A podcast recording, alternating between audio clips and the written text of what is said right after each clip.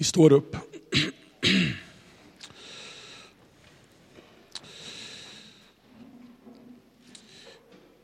Gud, vi längtar efter dig.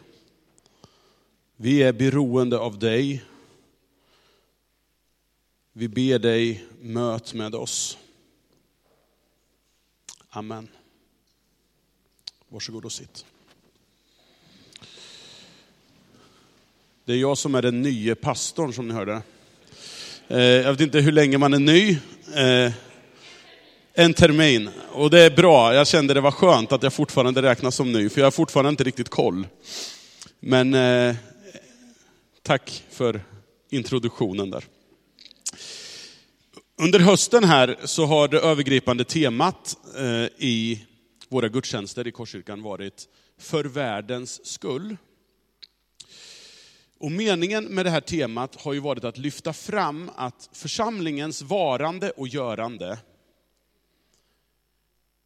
inte i första hand handlar om församlingen, utan handlar om hela världen. Hur högtravande och pretentiöst det här än kan låta, så är det med det svindlande perspektivet som Gud har satt den här församlingen här i Norrköping för hela världens skull. Och idag så tänkte jag avsluta det här temat genom att ta med er till ett sammanhang i Johannes evangeliet där det här blir väldigt tydligt. Eh, och vad som också blir tydligt i, den här, i det här sammanhanget, det är behovet av Guds egen närvaro för att det här ska vara möjligt. Guds egen närvaro. Och vi ska gå till Johannes 20, vers 19 till 23. Och det här utspelar sig alltså på söndagen efter att Jesus är korsfäst, på påskdagen, på kvällen.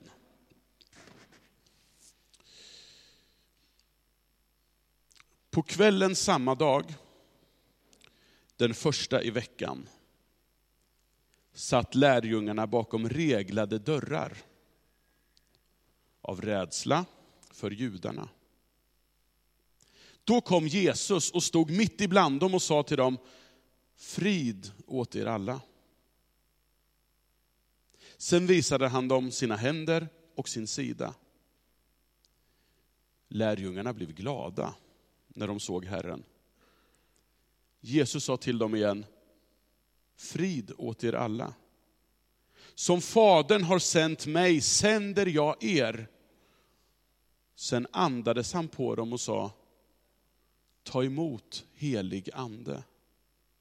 Om ni förlåter någon hans synder så är de förlåtna. Och om ni binder någon i hans synder så är han bunden.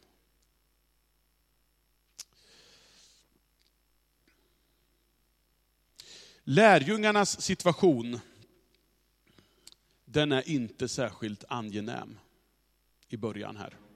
De sitter instängda bakom reglade dörrar.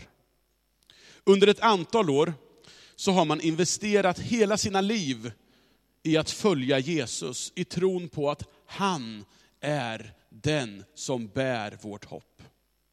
Han är den som är Messias, Guds redskap för att upprätta hela den här världen. Två dygn innan det här så har de då sett den här personen som de har satt allt sitt hopp till och som de älskade så högt.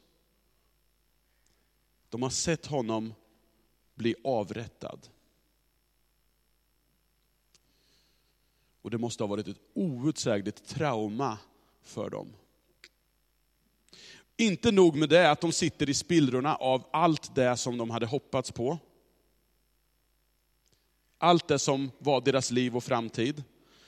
De är dessutom rädda för vad ska hända med oss nu? Vad händer om människor får tag på oss? Vi tillhörde ju han som har blivit avrättad som hädare och upprorsmakare. Och därför sitter de instängda.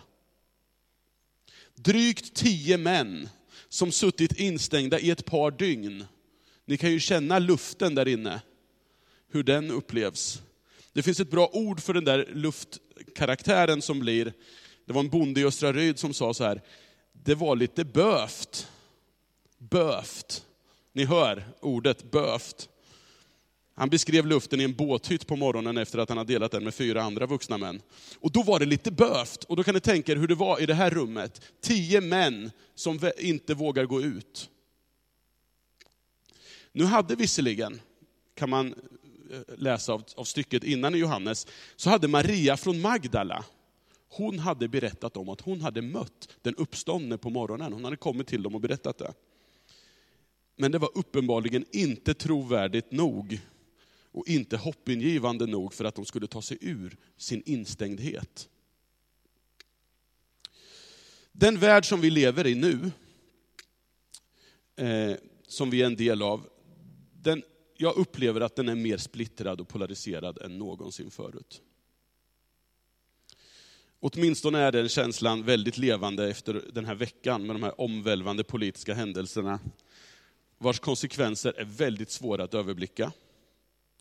Upp på all annan oro i världen med överhängande klimathot, enorma flyktingströmmar, allt, syn, allt synligare och mer högljudda främlingsfientliga strömningar runt om i världen. Och vad gör det här med oss? Jo, det skapar rädsla, det skapar fruktan. Som i sin tur driver på en allt mer oviss utveckling, som i sin tur skapar ännu mera rädsla och så vidare. Och det är oerhört svårt, om inte omöjligt, att hålla den här spiralen ifrån sig. Att vara opåverkad av den här rädslans spiral. Vart tar oss egentligen den här utvecklingen? Vad är det för värld mina barn kommer att växa upp i egentligen? Finns det något hopp? Precis som lärjungarna i det där instängda rummet, så kan jag själv finna mig inför de här frågorna fångad och bunden av rädsla. Oro, brist på hopp. När jag satt och tittade på den här valvakan i onsdag så jag kunde inte sova efteråt. Det var, jag mådde inte bra, jag var rädd. Vart tar, den här, vart tar det vägen? Rädsla stänger in oss, bygger murar mellan oss. Både synliga murar, men också osynliga murar. Och det är just den här rädslan och hopplösheten som den kristna församlingen ska kunna adressera. Men vi är inte heller opåverkade av rädsla. Trots hoppet, trots tron på att evangeliet är vad den här världen behöver, så är vi inte så sällan väldigt instängda. Dessutom tror jag vi är rädda, kan vara rädda för omgivningens eventuella reaktioner, så att vi inte vill sticka ut. Det är ofta tillfällen då jag ser att tillfällen rinner ut i sanden då jag hade kunnat ge ett hoppets ord, dela med mig av evangeliet till, till någon granne eller vän. En annan instängdhet som jag tror kan förekomma är också en instängdhet som beror på trivsel, bekvämlighet. Vi trivs så bra tillsammans. Vi är så bekväma i våra välkammade former. Så att motivationen att nå fler med vårt hopp övertrumfas av nöjdheten med att det är som det är. Det finns många olika sätt som vi kan vara instängda på, men poängen det är att vi kommer inte ur vår instängdhet i egen kraft. Martin Luther, han beskrev människans synd som en sorts instängdhet incurvatos in se, alltså inkrökt i sig själv. Så beskrev han mänsklighetens situation. Det är bara Gud som kan befria oss från den här inkröktheten, från den här instängdheten. Vare sig den motiveras av rädsla eller självcentrerad nöjdhet. Mitt i instängdheten mitt i hopplösheten, mitt i rädslan, så berättar Johannes, så kom Jesus. och stod mitt ibland dem och sa till dem, frid åt er alla. Jesus, han som var död, står plötsligt mitt ibland dem och adresserar deras rädsla och önskar dem frid. Han visar dem sina händer, han visar dem sin sida som bär märken efter korsfästelsen. Det är han.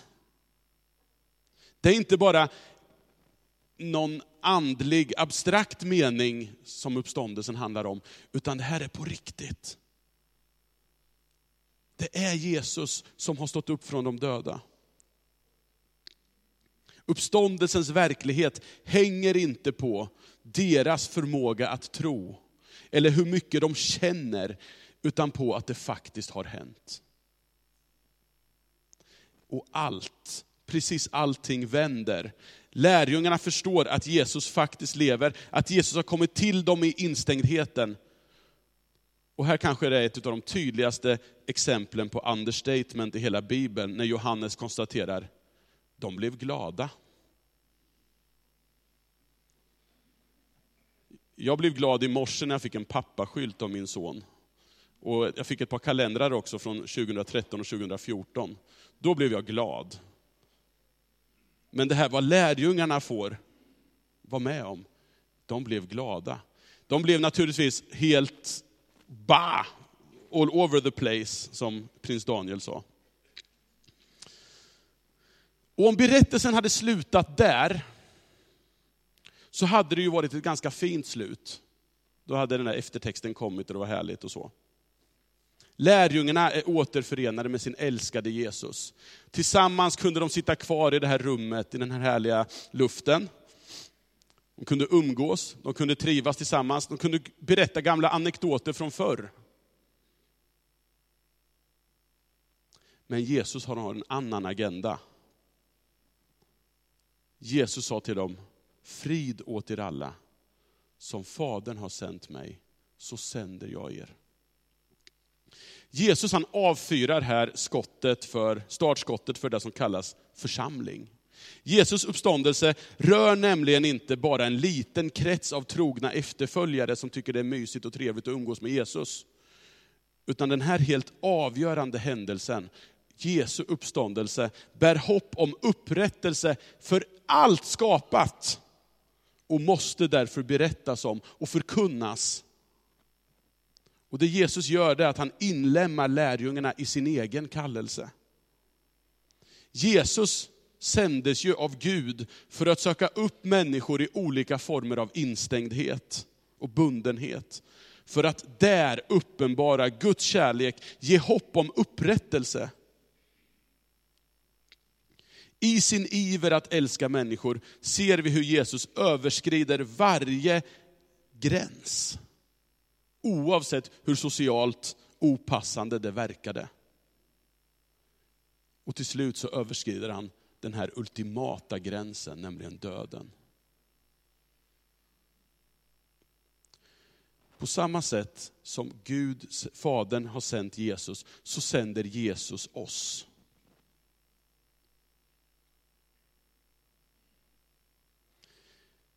Vi är sända för att förmedla kärlek, hopp och upprättelse till världen.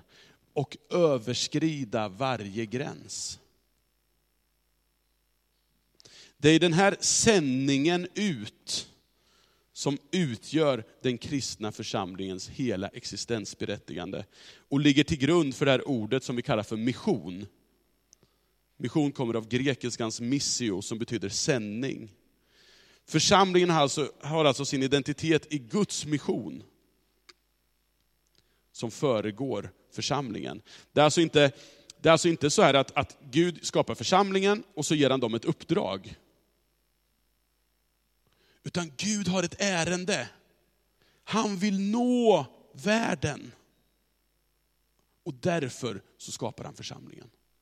Så det är inte Guds församling som har fått en mission, utan det är Guds mission som har fått en församling.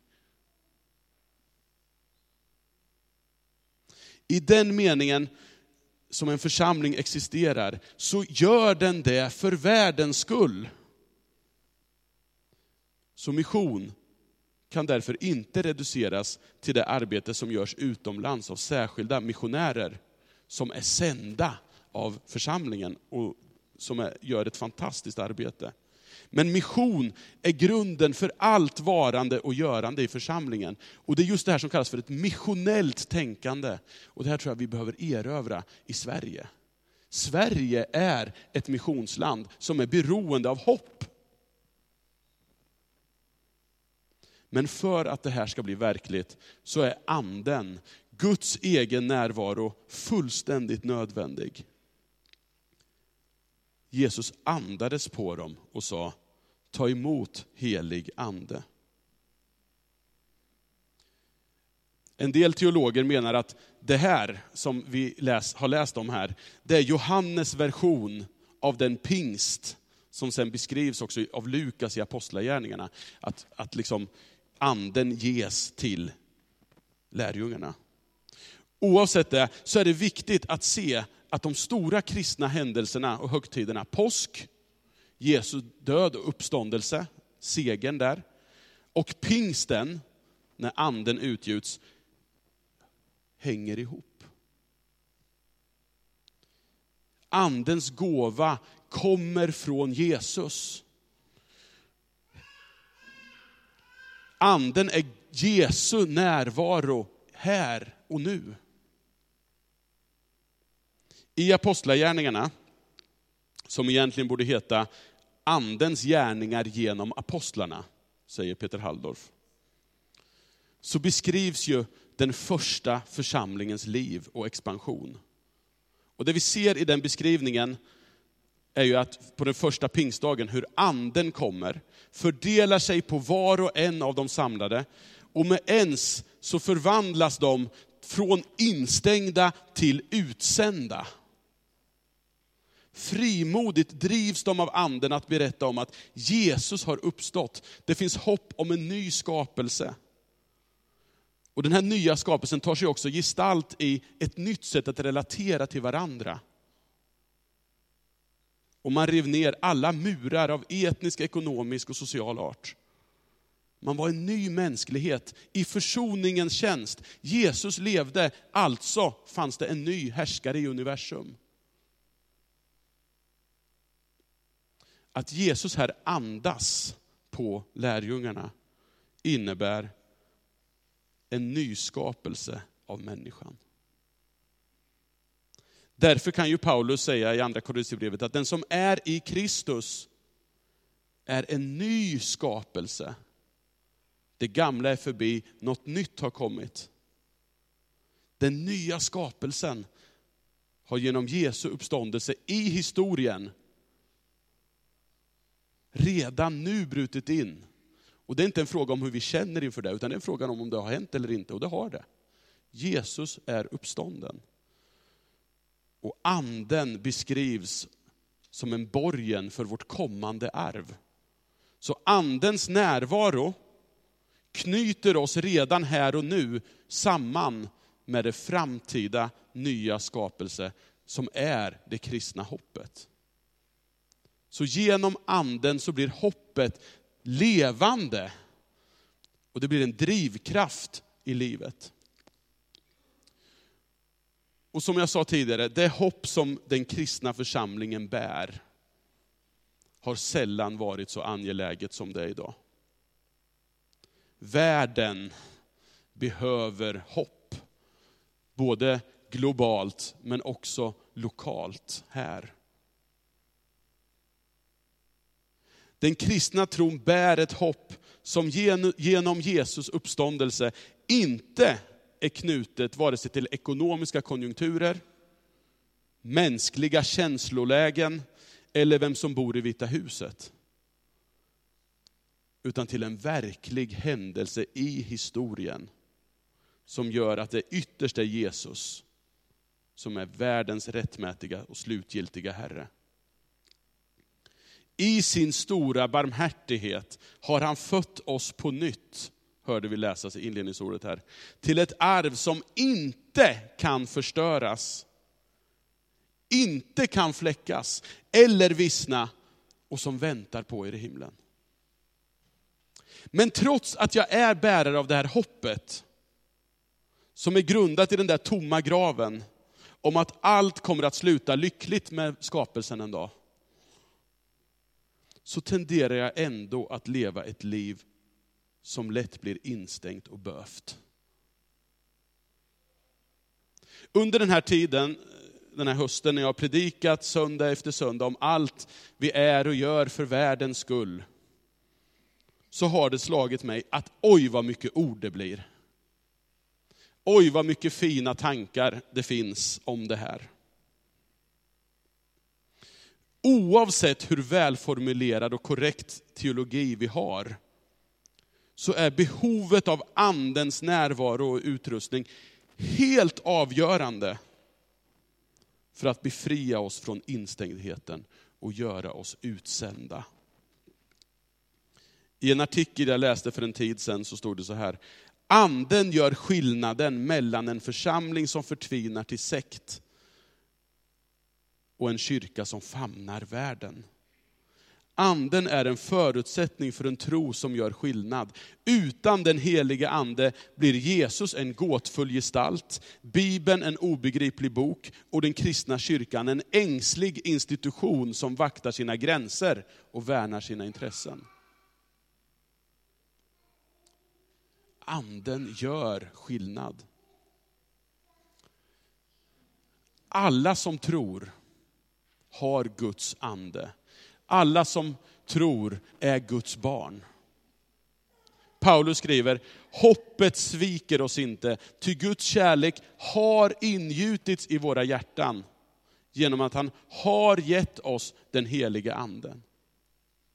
Men samme Paulus kan också uppmana sina läsare att låta sig uppfyllas av anden på nytt. Låt er uppfyllas av anden, uppmanar han Efesierna. Alltså, samtidigt som vi har anden, så är vi beroende att gång på gång på gång uppfyllas av mer kraft. Och därför så vill jag som en avslutning av det här temat som berör den här världen som vi är sända till, betona det här. Vi behöver den helige andes kraft. Och den uppståndne Jesus är här. I vår mitt och hälsar oss frid. Var inte rädd. Och så vill han andas på oss och ge oss mer kraft. Och om det är så att du, precis som jag, upplever att du är beroende av anden för att komma ur någon form av instängdhet och inkrökthet, för att leva ännu mera utsänd för världens skull, så kan du strax få uttrycka ditt behov och längtan efter anden. Vi kommer strax ha en, göra en inbjudan. Då vi kommer ha förbön som vanligt nere i det hörnet. Vi har möjlighet att tända ljus här. Vi har möjlighet att böja knä vid korset. Men vi kommer också ha två stationer där du kan få bli, komma fram och bli smord, smord med olja. Som ett, som ett uttryck för att ja, jag längtar efter mer av andens kraft. Oljan är ju en biblisk symbol på den heliga ande och är ju ett en vanlig, oerhört vanlig kristen praktik att man smörjer med olja. Uppmanas till och med i Bibeln att vi ska smörja varandra med olja när vi ber för varandra. Och det är en symbol för andens närvaro. Och du kommer då komma fram och så kommer någon stryka ett kors i pannan på dig och, och be om att helig ande ska fylla dig. Kort och gott. Och sen så kan du röra dig vidare i lokalen. Och på det sättet så blir det här, precis som alla gudstjänster egentligen är, en sändningsgudstjänst där den uppståndne möter oss i vår instängdhet. Och precis som Charlotte sa, här, vad är en gudstjänst? Jo, vi möter Gud. Och varför möter vi Gud? Jo, vi möter Gud därför att vi behöver det, men vi gör det också för att vi är utsända i världen. Och vi möts, vi mö, Gud möter oss i vår inständighet och vi sänds ut för att tjäna för världens skull. Som Herren som Fadern har sänt mig, så sänder jag er. Vi ber tillsammans. Gud, tack för att du är den som ger oss hopp. Tack för ett fantastiskt levande hopp som är grundat i händelser utanför oss själva, oberoende av vår instängdhet, rädsla eller grad av förmåga. Tack för att du vill möta med oss den här stunden. Kom med din frid över oss. Tack för att du vill andas på oss, fylla oss med dig själv och sända ut oss i den värld som är så i desperat behov av dig och det levande hopp som du har att ge. Kom heligande. Amen.